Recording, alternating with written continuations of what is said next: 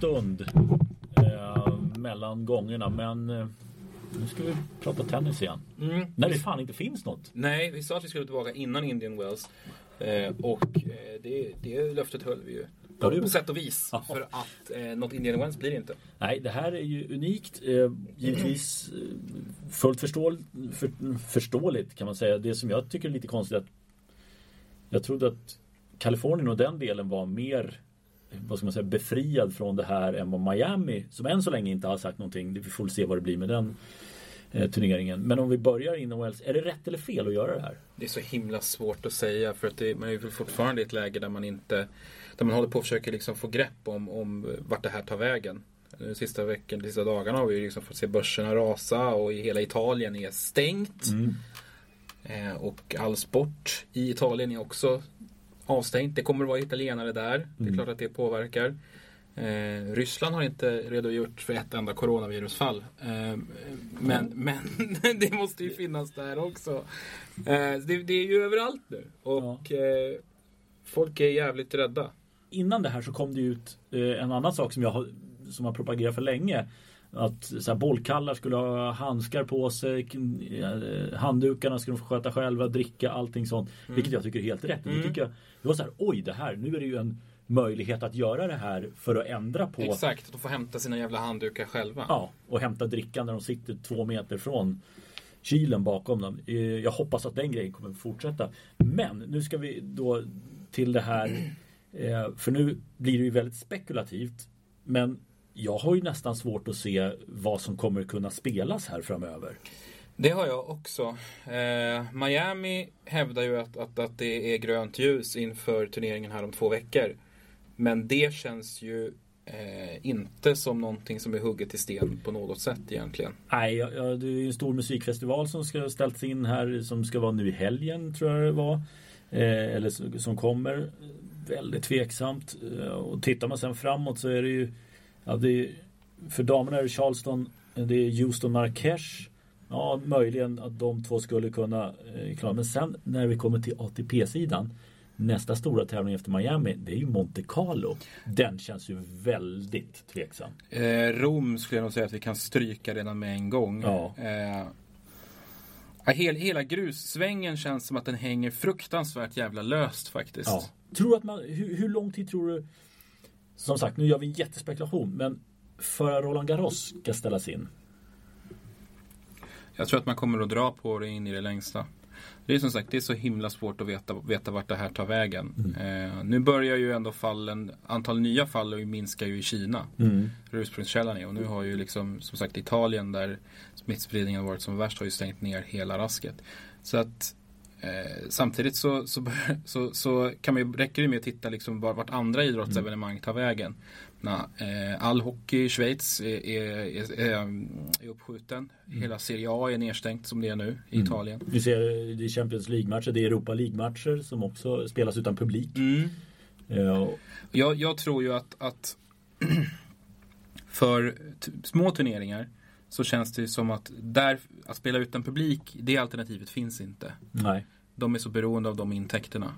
Eh, jag, tror, jag tror att möjligheterna är större att få till eh, större turneringar utan publik. Man, man bollade ju med den möjligheten i, i Indian Wells också, Mm. men fick nej från arrangören till slut.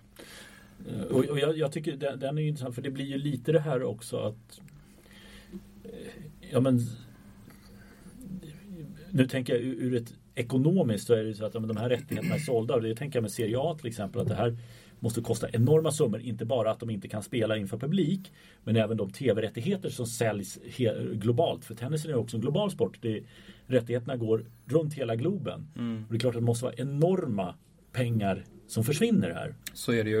Eh, Hälsan först ska jag säga bara så att man inte sitter och är för fel, fel eh, ingångs, ingång i det hela. Men Ja, men, men, men så är det ju. Eh, jag, jag tycker det känns, det känns tufft nu när de tog det här beslutet i U- ett USA som ändå inte är så pass hårt drabbat som delar av Europa är. Eller Asien för den delen. Så eh, det Än. känns... Än. Känns det, det börjar väl ta fart där också bara. Eh, så känns det ju inte superlovande in, inför den europeiska grussäsongen. Det tycker jag inte.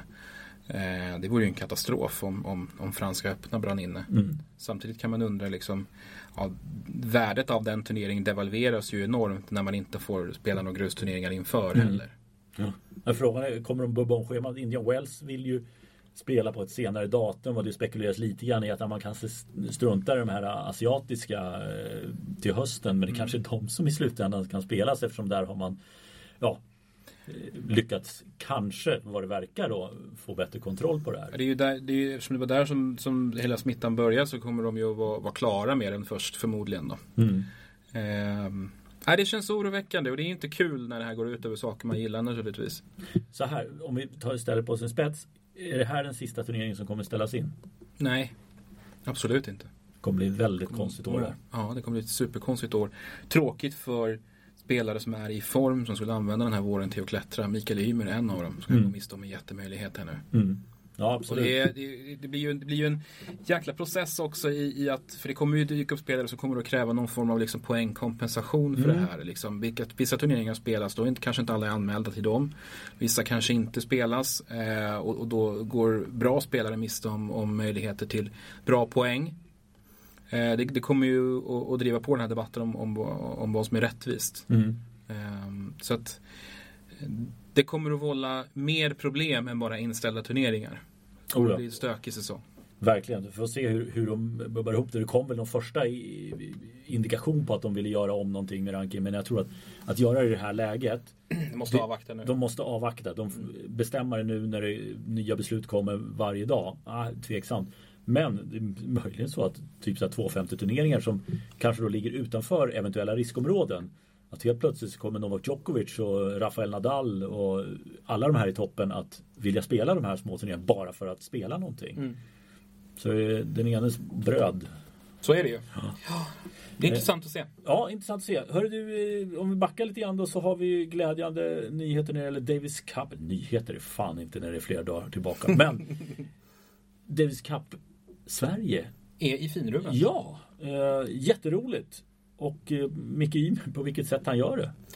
Eh, han har ju visat sig vara en väldigt pålitlig matchvinnare i det sammanhang tidigare. Men han har uppenbarligen en förmåga att tända till när han, när han har en hemmapublik i ryggen och får spela för, för Sverige. En fin egenskap, onekligen. Sen så ska vi inte sticka under stol med att Sverige har ganska stor draghjälp av det faktum att varken Jarry eller Garin är med. Ja, så enkelt är det ju faktiskt att det hade blivit en helt annan match eh, som hade blivit slå ur underläge. Tror jag, mycket mer. Eh, så att nej, men samtidigt så ska jobbet göras och det är inte alltid Så är det ju. Så är det ju. Eh, De där matcherna ska hämtas hem och det är ju, det är ju Micke framförallt som gör det jobbet. Mm. Eh, skönt att se Elias tillbaka på banan också. Mm. Men, men långt ifrån eh, den form man hoppas på att se honom i. Det här, var, Mm. det här var Mickes match. Verkligen. Och nu då, om vi tittar de lagen som är kvalificerade. Eh, Spanien, Storbritannien, Kanada, Ryssland, Frankrike, Serbien, Kroatien, Ungern, Colombia, Australien, Italien, Tyskland, Kazakstan, Tjeckien, Österrike, Ecuador, Sverige och USA. Det är mycket bra nationer med Mm. nu. Har vi något att hämta? Beror på lottning, beror på vilka som väljer att spela, som, som så mycket annat. Mm. Eh, beror på vad Elias eh, är i för form när vi är så pass långt fram under säsongen. Ehm, han, han har ju haft en oerhört problematisk inledning på det här året och tappat rejält på rankingen. Utanför topp 200 nu. Mm, första gången på mycket, mycket länge.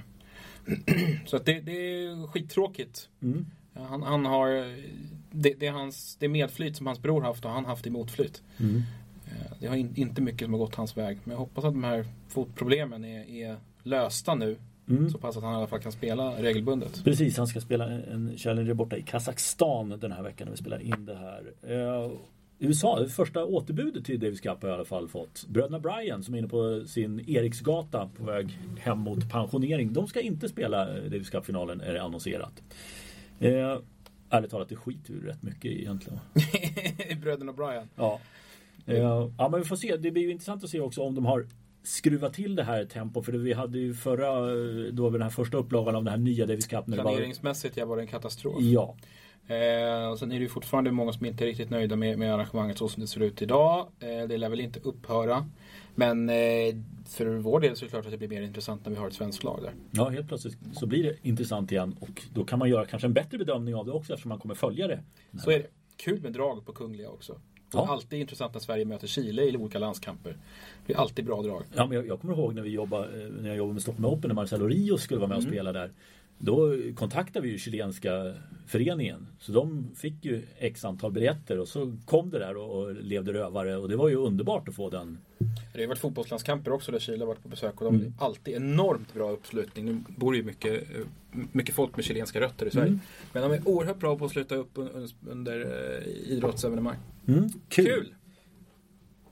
Eh, då tar vi väl två stycken som har lagt ner karriären då. Kanske lite på lite olika nivåer. Mm. Eh, vi börjar, ja, vi tar svenskt först. Johanna Larsson väljer att kliva av. Eh, jag blir lite överraskad faktiskt. Singelmässigt så har jag en förståelse för det. Men så pass bra som jag ändå tycker att hon lyckades i dubbel de här sista åren så är jag förvånad att hon inte vill fortsätta satsa på det för det, hon skulle kunna ha en ganska bra dubbelkarriär. Ja, jag har gjort lite samma reflektion faktiskt. Jag har för mig att, att, att, vi pratade om det för något eller ett par år sedan i podden. att Är det inte läge nu att kliva av singeltoren och satsa helhjärtat på dubben? Eh, för att uppenbarligen så samarbetet med Kiki Bertens funkar ju jätte jättebra. De Sen gick ju de lite olika vägar i singel. Lite vilket... så. Bertens blev ju lite för bra i, i singel. Tyvärr då för mm. Johannas del. Mm. Och det är väl kanske möjligt att, att det har påverkat beslutet lite grann. Eh, eller att hon, hon, kanske inte tyckte att dubbel var riktigt så roligt. För att framgångsrik hade hon ju varit och vunnit lite titlar och final i VTA-slutspelet mm. på en sån sak. Eh, och topp 20 på, på rankingen också. Så hon hade ju kunnat karva ut en ganska bra dubbelkarriär också. Men uppenbarligen var hon inte så pass intresserad av det. Nej, jag, jag har gjort samma reflektion just där. Nej, hon kan inte ha tyckt att det var för det hade gått? Det hade gått och det hade kunnat gå i fem, sju år till. Mm. Eh, sen vet jag inte vad, vad hon har att eh, till, blicka framåt. Hon, hon, kanske har en utstockad bild om vad hon vill göra och då kanske det är hög tid att göra det nu också. Det ska jag låta vara osagt. Eh, men, men oavsett vad då. Eh, hon, hon, har ju dalat ganska kraftigt sista året på, på singelrankingen. 2019 var jättetufft för henne. Hela året egentligen och i år, eh, hon inledde med att kvala in till Australian Open visserligen men, men hade det, åkte på en oerhört tung torsk där direkt. Jag tror hon känner att, att hon är lite frånsprungen på, eh, på den nivån hon har ju aldrig haft några egentliga vapen att luta sig mot utan liksom ganska bra bollvärdering och, och framförallt en, en, en, mycket god fysik. Mm. Så att eh, det, är ju, det är ju den typen av egenskaper som, som kanske är lite svåra att åldras med. Mm. När, när tempot höjs i spelet i övrigt. Ja, och, och känner man att man inte kan få utväxt, man, man har inte den blicken, ser inte i horisonten att jag kommer kunna bli så mycket bättre så jag kan matcha de här spelarna som kommer upp. Nej, då är det nog svårt också. När man har legat som hon har gjort, bästa rankingen var 45 mm. eh, Hon hade kunnat vara högre men i mitt tycke hennes problem har ju varit att hon har varit alldeles för ojämn. Hon har gjort ett bra resultat där, sen har det kommit fem raka torsk i första matchen och sen så vinner hon matcher. Det har varit för lite jämn nivå. Framförallt tycker jag att man har sett, eh, sett det i Grand Slam-sammanhang. Där har det varit eh, ganska många matcher tidigt i turneringen där man känt att, att hon borde ha fått med sig. Mm. Eh, och den här riktiga Grand Slam-framgången, eh, att den aldrig infann sig riktigt gjorde väl säkert en del, eh, spelade säkert ganska stor roll att hon förblev väldigt okänd bland liksom den, den stora, breda idrottsintresserade massan. Mm. För att hon har aldrig riktigt nått igenom bruset och aldrig riktigt eh, aldrig riktigt kunnat sticka ut riktigt och få de här rubrikerna som hon kanske har varit eh, mer förtjänt. Ja, det blev fyra stycken gånger i tredje rundan. En gång i, Franska öppna, tre gånger i US Open eh, som bästa Grand Slam-resultat i singel. Mm. Eh, två titlar blev det. Mm. En på hemmaplan. Eh, var en väldigt rolig roligt eh, och det tror jag eh, måste vara höjdpunkten i karriären. Det måste det onekligen vara. Hon, hon hade också en jätte, jättefin förmåga att spela bra på hemmaplan. Mm. Alltid bra i Båstad. Eh, och hon var ju väldigt tydlig med också sin oerhörda besvikelse när den turneringen sen försvann. Mm. Eller devalverades så som den gjorde. Mm. För det var, det, var hennes, det var hennes turnering. Hon ägde den hemmaplanen på ett väldigt, väldigt bra sätt. Det gjorde hon eh, och då ska vi säga också att hon, hon tog en titel. Det var väl Nürnberg hon tog eh, Jag tror det. Den, eh, den sista helt oväntade titeln. Ska väl sägas. Den hade, såg man inte komma någonstans. Sen hade hon ett antal finaler också. Jag vet att hon, hon var i final i Båstad ytterligare en gång. Ja, förlorade mot Serena Williams. Mm. Så att, men hon var en konstant på, på väldigt hög nivå under väldigt, väldigt lång tid. Det blev ju trots allt jag, jag, jag minns när hon kom fram, jag jobbade på Eurosport och, och, skrev tennis i stort sett varje dag och då var det bara Sofia Arvidsson det handlade om och så fanns det inte så mycket annat i övrigt. Eh, men, men hon, jag vet att hon hade lite skadeproblem i tonåren och sen så eh, tog hon liksom ny sats och sen gick det spikrakt uppåt där. Det var ett rejält race, ungefär som Rebecca Petersson gjorde här mm. för ett par år sedan. Slog sig in topp 100 och sen blev hon kvar där. Hon var kvar där i, i tio år. Mm. Egentligen. Det är anmärkningsvärt den jämnheten. Ja, men det är det som är intressant. Det är jämnhet i ja. det här väldigt ojämna. För hon gjorde alltid ett eller ett par resultat som gjorde att hon Verkligen. hela tiden hängde kvar. Mm. Så att man hade ju önskat att hon hade kunnat få ut mer av att höja sin lägsta nivå och vunnit lite fler matcher helt enkelt. Mm. Så hade hon varit inne i topp 30 tror jag som bäst. Det som också var glädjande att se efteråt var hur många det var inom svensk tennis som, som, som visade sin uppskattning och, mm. och önskade henne lycka till i karriären. Framförallt då på damsidan mm. bland de unga tjejerna vilket visar vilken så oerhört bra mentor och förebild hon, hon måste ha varit för dem. Mm. Eh, det, det, var ba, bara kärlek rakt igenom och varenda en som, som är ett namn på damtennissidan var, var väldigt noga med att lyfta fram vad Johanna har betytt. Mm. Och det, jag kan, min, min, erfarenhet av henne har intervjuat henne vid ett par tillfällen. Eh, inga som helst problem. Eh, stöter på henne, kan vi göra en intervju sen? Ja, inga problem. Eh, messa mig mm. eller ring mig när det är dags. Inga som helst problem. Väldigt eh, lättillgängligt. Rak, tydlig, uppriktig. Verkligen. Så att, eh, det är trist för svensk tennis men eh, kul att hon har kommit till ett beslut som hon är trygg i. Och hoppas att hon eh, lyckas med vad hon än företar sig här framöver. En annan som inte behöver fundera så mycket på vad hon ska göra, höll jag på att säga. Det kan hon väl göra, men hon, hon behöver sitt godis. Ja. Maria Sharapova annonserar att hon slutar eh, föga överraskande. Det, jag har väntat på det egentligen sen hennes första comeback-försök efter dopningsavstängningen för då var hon långt bort. Sen har det varit återkommande skador och det har aldrig funnits någonting egentligen tycker jag i hennes spel som har gjort att eh, jag har kunnat se att hon ska komma tillbaka ens och vara i närheten av där hon var. Det har ju varit en väldigt skad, alltså en karriär fylld av oerhörda framgångar men också väldigt mycket skador tidigt. Mm. Hon, hon ju, hade ju sitt första liksom, riktigt långa skadeuppehåll i tidiga 20-årsåldern. Mm. Och det har ju varit många som följt där efter det. Men den här Meldon, som du säger, den här Meldonium-härvan mm. var väl lite grann eh, spiken i kistan om, om, man kan vara så drastisk. För mm. att hon, hon nådde ju aldrig någon högre nivå egentligen efter det. Nej.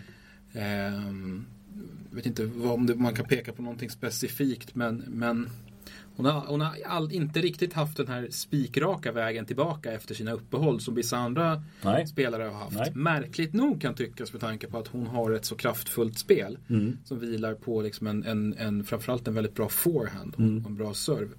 När den har funkat. När den har funkat. Hon har också haft perioder när hon har servat fullständigt jävla bedrövligt. Mm. Men hon har haft en väldigt tyngd i spelet. Eh, och när hon har kunnat utnyttja den så har hon varit oerhört, oerhört bra. Eh, men eh, nej, hon, hon kom ju, fick ju aldrig någon kontinuitet överhuvudtaget. Hon gick ju sönder hela tiden efter, efter den här avstängningen. Mm. Spelade ju bara strömatcher. Så det här är, det är som du säger, det är no någonting som man har gått och, gått och väntat lite på. Mm. Eh, fin karriär ska sägas, fem mm. Grand Slam-titlar. Ja. Eh, lyckades vinna på alla fyra ja. Eh, slams. Sista var ju med hjälp av Thomas Högstedt av, 2012 i Paris. Sista stora titeln, att hon, att hon fick vinna, att hon vinner alla fyra Grand Slam-titlar. Mm. Det är ju hörnstenen i hennes legacy. Mm. Och, det, och det ska ju sägas, hon, hon har ju lyckats vinna 36 titlar totalt i karriären så att det har ju blivit en hel Hon har ju varit det stora affischnamnet på, vid sidan av Serena Williams, eller systrarna Williams ska sägas. Får man väl lov att säga, trots hennes skadebekymmer. Så kan man, ska man hårdra det kan man väl egentligen säga att efter 2000 när, när 00-tal går över i 10-tal så är det liksom mer affischnamnet Sharapova det har handlat om än tennisspelaren Sharapova. Mm. För hon koncentrerar ju väldigt stor del av sina framgångar tidigt i karriären innan mm. hon har fyllt 25 egentligen. Ja. Ja, det, är, det är de två i Paris då, 12 och 14 som hon vinner. Mm. Eh, men eh, de andra tre kommer före 10. Eh, och ja, men sen byggde hon, hon blev ju som du säger affischnamnet. Hon var ju egentligen större än sporten. Hon har hållit på med grejer på sidan om och det är framförallt hennes eh, godismärke Sugarpova. Ja precis och sen så eh, alltid varit mycket fokus på vilka hon har dejtat och, och, och ja, väldigt mycket fokus på personen Sharapova. Det känns som att hon har liksom rört sig lite vid sidan om toren i övrigt. Eh, får uppfattningen att hon inte riktigt ingår i gemenskapen egentligen. Nej. Hon har ing, inte, inte heller haft några man ser henne sällan, alltså allt mer känns som att hon har distanserat sig från resten av touren och inte velat liksom riktigt vara en del av den. Nej, en, en av få, Monica Pewig faktiskt. Mm. Eh, som man har sett eh, lite bilder i sociala medier. Men annars var det försvinnande få toppkollegor som, som mm. gjorde, gjorde ett nummer av att och la av och, mm. och, och, valde att hylla henne. Eh, det, det, var väl egentligen bara Petra Kvitova gjorde det. Mm. Eh, med, med men hon verkar gå ihop med alla. Ja men hon, hon känns så jävla easy going. Ja. Alla gillar henne ja. nästan. Eh, med, med, att de hade en tuff final där i Wimbledon för ett antal år sedan. Eh, men det var, det var en spelare av den digniteten brukar få så otroligt mycket mer av kärlek. Mm. När de lägger av. Hon fick verkligen inte det. Nej. Inte från något håll egentligen. Um, och det säger väl ganska mycket om hur... hur ja, hon var inte den mest omtyckta spelaren där ute. Nej. Pang, punkt. Ja. ja. Eh, då har vi avhandlat dem också. Ska vi prata lite tennis som har eh, försiggått också innan då, nu när vi har varit eh, på andra håll här under ett tag. Det var ju ett bra tag sedan vi vi poddade. Var var vi någonstans då? Kommer du ihåg? Ja, jag, tror att, jag tror att vi var eh, någonstans i trakterna kring, kring Rotterdam. Mm. Buenos Aires, en, en dryg månad sedan. Mm. Uh, och då Rotterdam så var det ju Gammon Fiss har haft en otroligt, där är en kille som nog inte är glad över det som händer i världen. Om det nu inte är de ska göra att all, allting stryks nu fram till ATP-finalen. Ja. ja, det skulle vara det då i så fall. Eh, då, då är ju då är Monfils gjuten. Han, han har sett oerhört inspirerad ut. Han har kommit i någon sån här hot streak som... Och hel? Ja! Eh, och tog set på Djokovic där sen också mm. i... Eh... Jag var inte långt ifrån att, att nypa den matchen. Nej. Eh, han, är, han, han hittat en sån här formtopp igen som man verkligen inte trodde att han fortfarande hade i sig.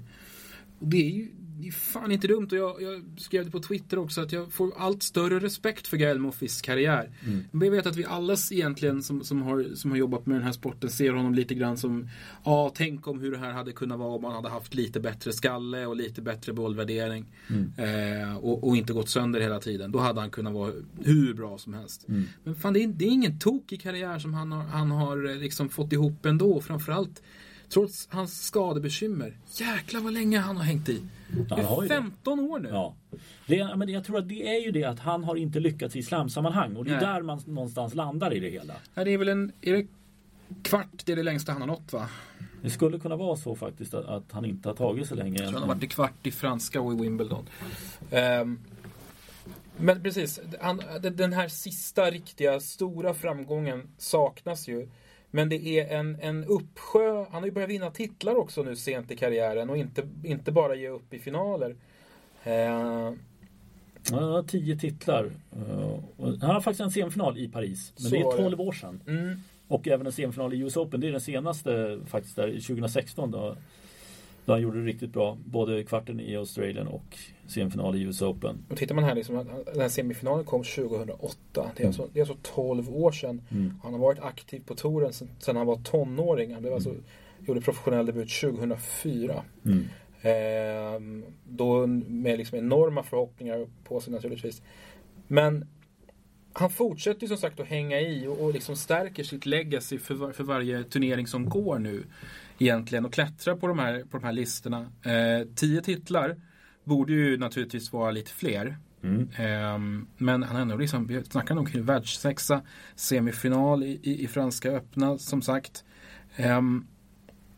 Nej, man, man är, uh, jag, jag, är imponerad över sättet som han, som han fortsätter att för, förnya sig själv och förlänga sin karriär. Och, återupphitta den här spelglädjen mm. som gör honom så framgångsrik. Ja, för när det är spelglädje då är det extremt underhållande att titta på och han är han är ju inte, han är inte korkad. Han kan ju fortfarande spela tennis. Han vill bara spela på sitt sätt. Ja. Eh, vidare så kan vi ta eh, norskt, första norska ATP-titeln, Kasper mm. Rud. Och klev om sin pappa, ja. hans högsta notering på världsrankingen också. Ja, eh, jätteroligt. Eh, och sen så hamnar vi i New York.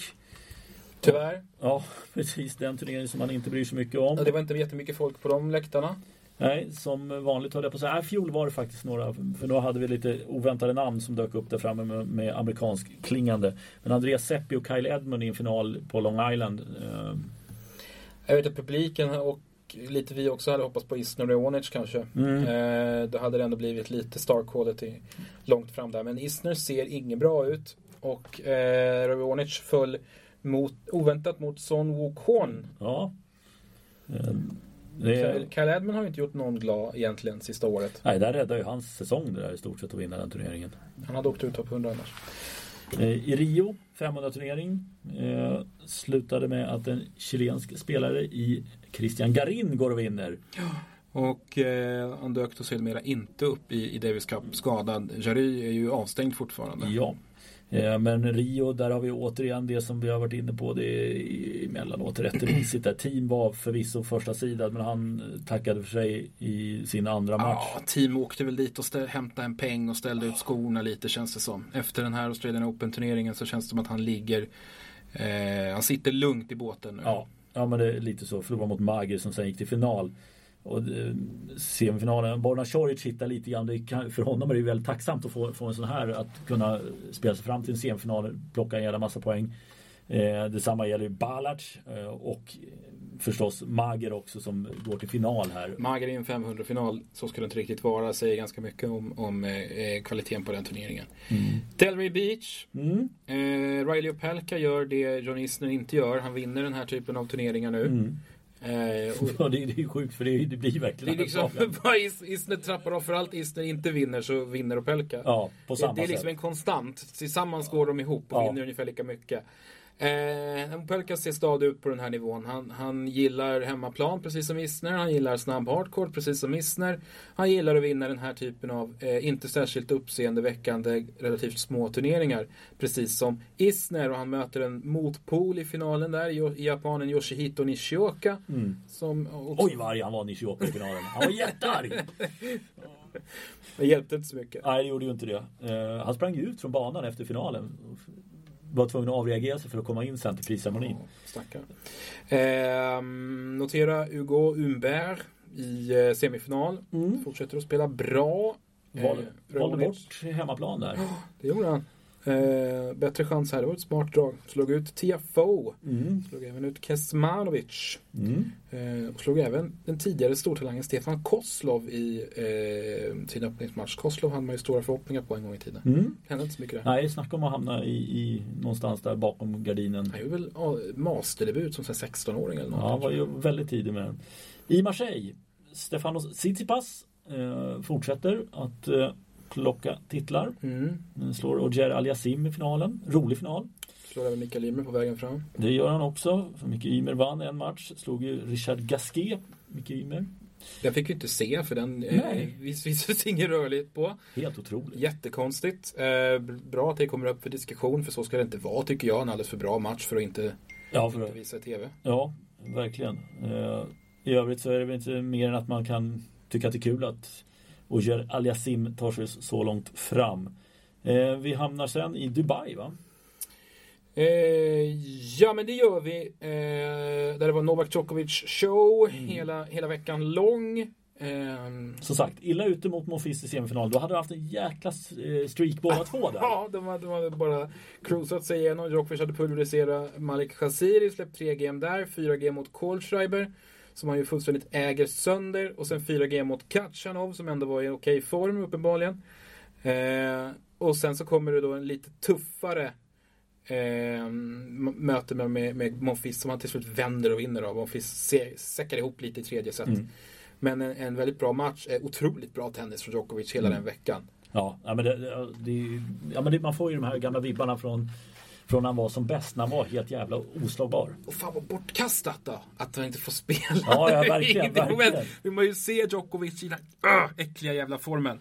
Eh, det får vi inte göra nu. Tsitsipas i finalen. Två raka, inget att snacka om. Bra eh, form på honom ändå. Ja, men så är det ju. Och, Vi har Acapulco där också va? ja, Acapulco har vi faktiskt. Den, ja, den var ju jag till och med inne och kommenterade lite grann från. Eh, Rafael Nadal gör det han inte gjorde i fjol.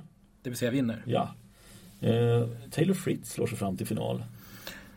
Ja, man, man känner ju lite grann att, att no, förr eller senare ska det väl komma en, en nivå till på fritt spel. Man behöver närma sig den i alla fall nu. Mm. Första 500-finalen. Första 500-finalen och Kuhn eh, slår ut Lajovic. Bra seger där igen på Mm. Eh, och Tommy Paul slog Alexander Zverev. Jag gjorde Mm. den matchen och eh, Tommy, Tommy Paul, Paul kommer starkt. han spelar riktigt, riktigt bra. Sen, eh, Zverev inte riktigt. nej, liksom. nej det, det var inte bra. Eh, faktiskt där från, från Zverevs sida. Men likt förbannat så, så vinner Paul och gör det på ett bra sätt. Men Nadal vi, där och sen då i Santiago så får vi en ung brasilianare. Thiago Seiboth Vild? Vild. Wild. Wild? Vild. Vild. Bra namn Ja, oavsett. Eh, Och slår ju Rud som gör en jättebra Sydamerikasväng i Mm. finalen. Eh, och den här eh, brasilianaren, jag måste säga, jag såg lite grann av, av den här turneringen och jag tyckte han imponerar på mig. Han, han gör det väldigt, väldigt bra. Det här, det här är en bra grusspelare. Verkligen. Eh, det är en sån här som har varit smug. Han fick komma in på ett wildcard och vinna. Det, det är inte varje dag vi ser Nej. eh, en turneringssegrare göra, göra det. Eh, framförallt när de, när de kommer in på wildcard på grund av eh, låg ranking. Eh, så att eh, är väl, väldigt kul kan jag känna. Eh, brasiliansk tennis är ju inte riktigt vad den har varit. Nej, det är ganska långt. Thomas Bellucci är väl den som man har haft i åtanke senast. En sak till vi ska prata om vad gäller Sydamerikasvängen. Eh, Carlos Alcaraz. Mhm. Eh, supertalangen från Spanien. Mm. Det bästa som Spanien har fått fram i talangväg Mm. sen Ja, Rafael Nadal kanske. Ja, man har väl nämnt någon annan. Monar var väl faktiskt ett sånt som nämndes men det var väl mer för att han kom från eh, Nadals akademi. Än att det faktiskt eh, var på det sättet. Ja, men vad... Han får, ett, han får i alla fall ett wildcard till Rio de Janeiro. Mm. Eh, där han slår ut eh, Albert Ramos Mm. i, med 2-1 i set. Eh, två av dem i tiebreak. Sen är han en hårsmån från att slå Federico Correa. Det är några domslut där i slutet som är Mm. lite, eh, som det var lite diskussion om. Han gör eh, jättefin start Ja, på, på eh, proffslivet. håll ögonen på honom. Ja, spännande kille. Det gör vi. Ramos Vinolas kunde inte åka och fiska poäng där nere i, i Nej. Rio i alla fall. Eh, men då är, vi, då är vi tillbaka. Vi fick ju en halv, eh, ja, lite svensk dubbeltitel i Santiago. Davidovic Fokina var faktiskt med och vann dubbeln där. Och André Göransson har ju faktiskt funnit en titel Ja, men det, också. det tror jag vi det tror jag vi avhandlade Ja. sist kanske ja. Mm. Eh, Carvallis Baena och Davidovic Fokina i världens längsta dubbeltitelnamn eh, vann i den ganska veka turnering i Santiago. Ja, där är vi någonstans va? Jag tror det. Mm. Vi sätter punkt där och så får vi se om det blir någon Miami. Eh, det hänger väl eh, kanske lite på en, eh, den turneringen när vi kommer tillbaka. Ja. Har det inte funnits någon tennis så finns det inte riktigt så mycket att prata om. Nej, det händer. Det kommer nya uppdateringar hela tiden så det är ingen idé att försöka göra någonting. Vi följer det med stor spänning och lite, lite förfäran. Absolut. Hej på er! Hej!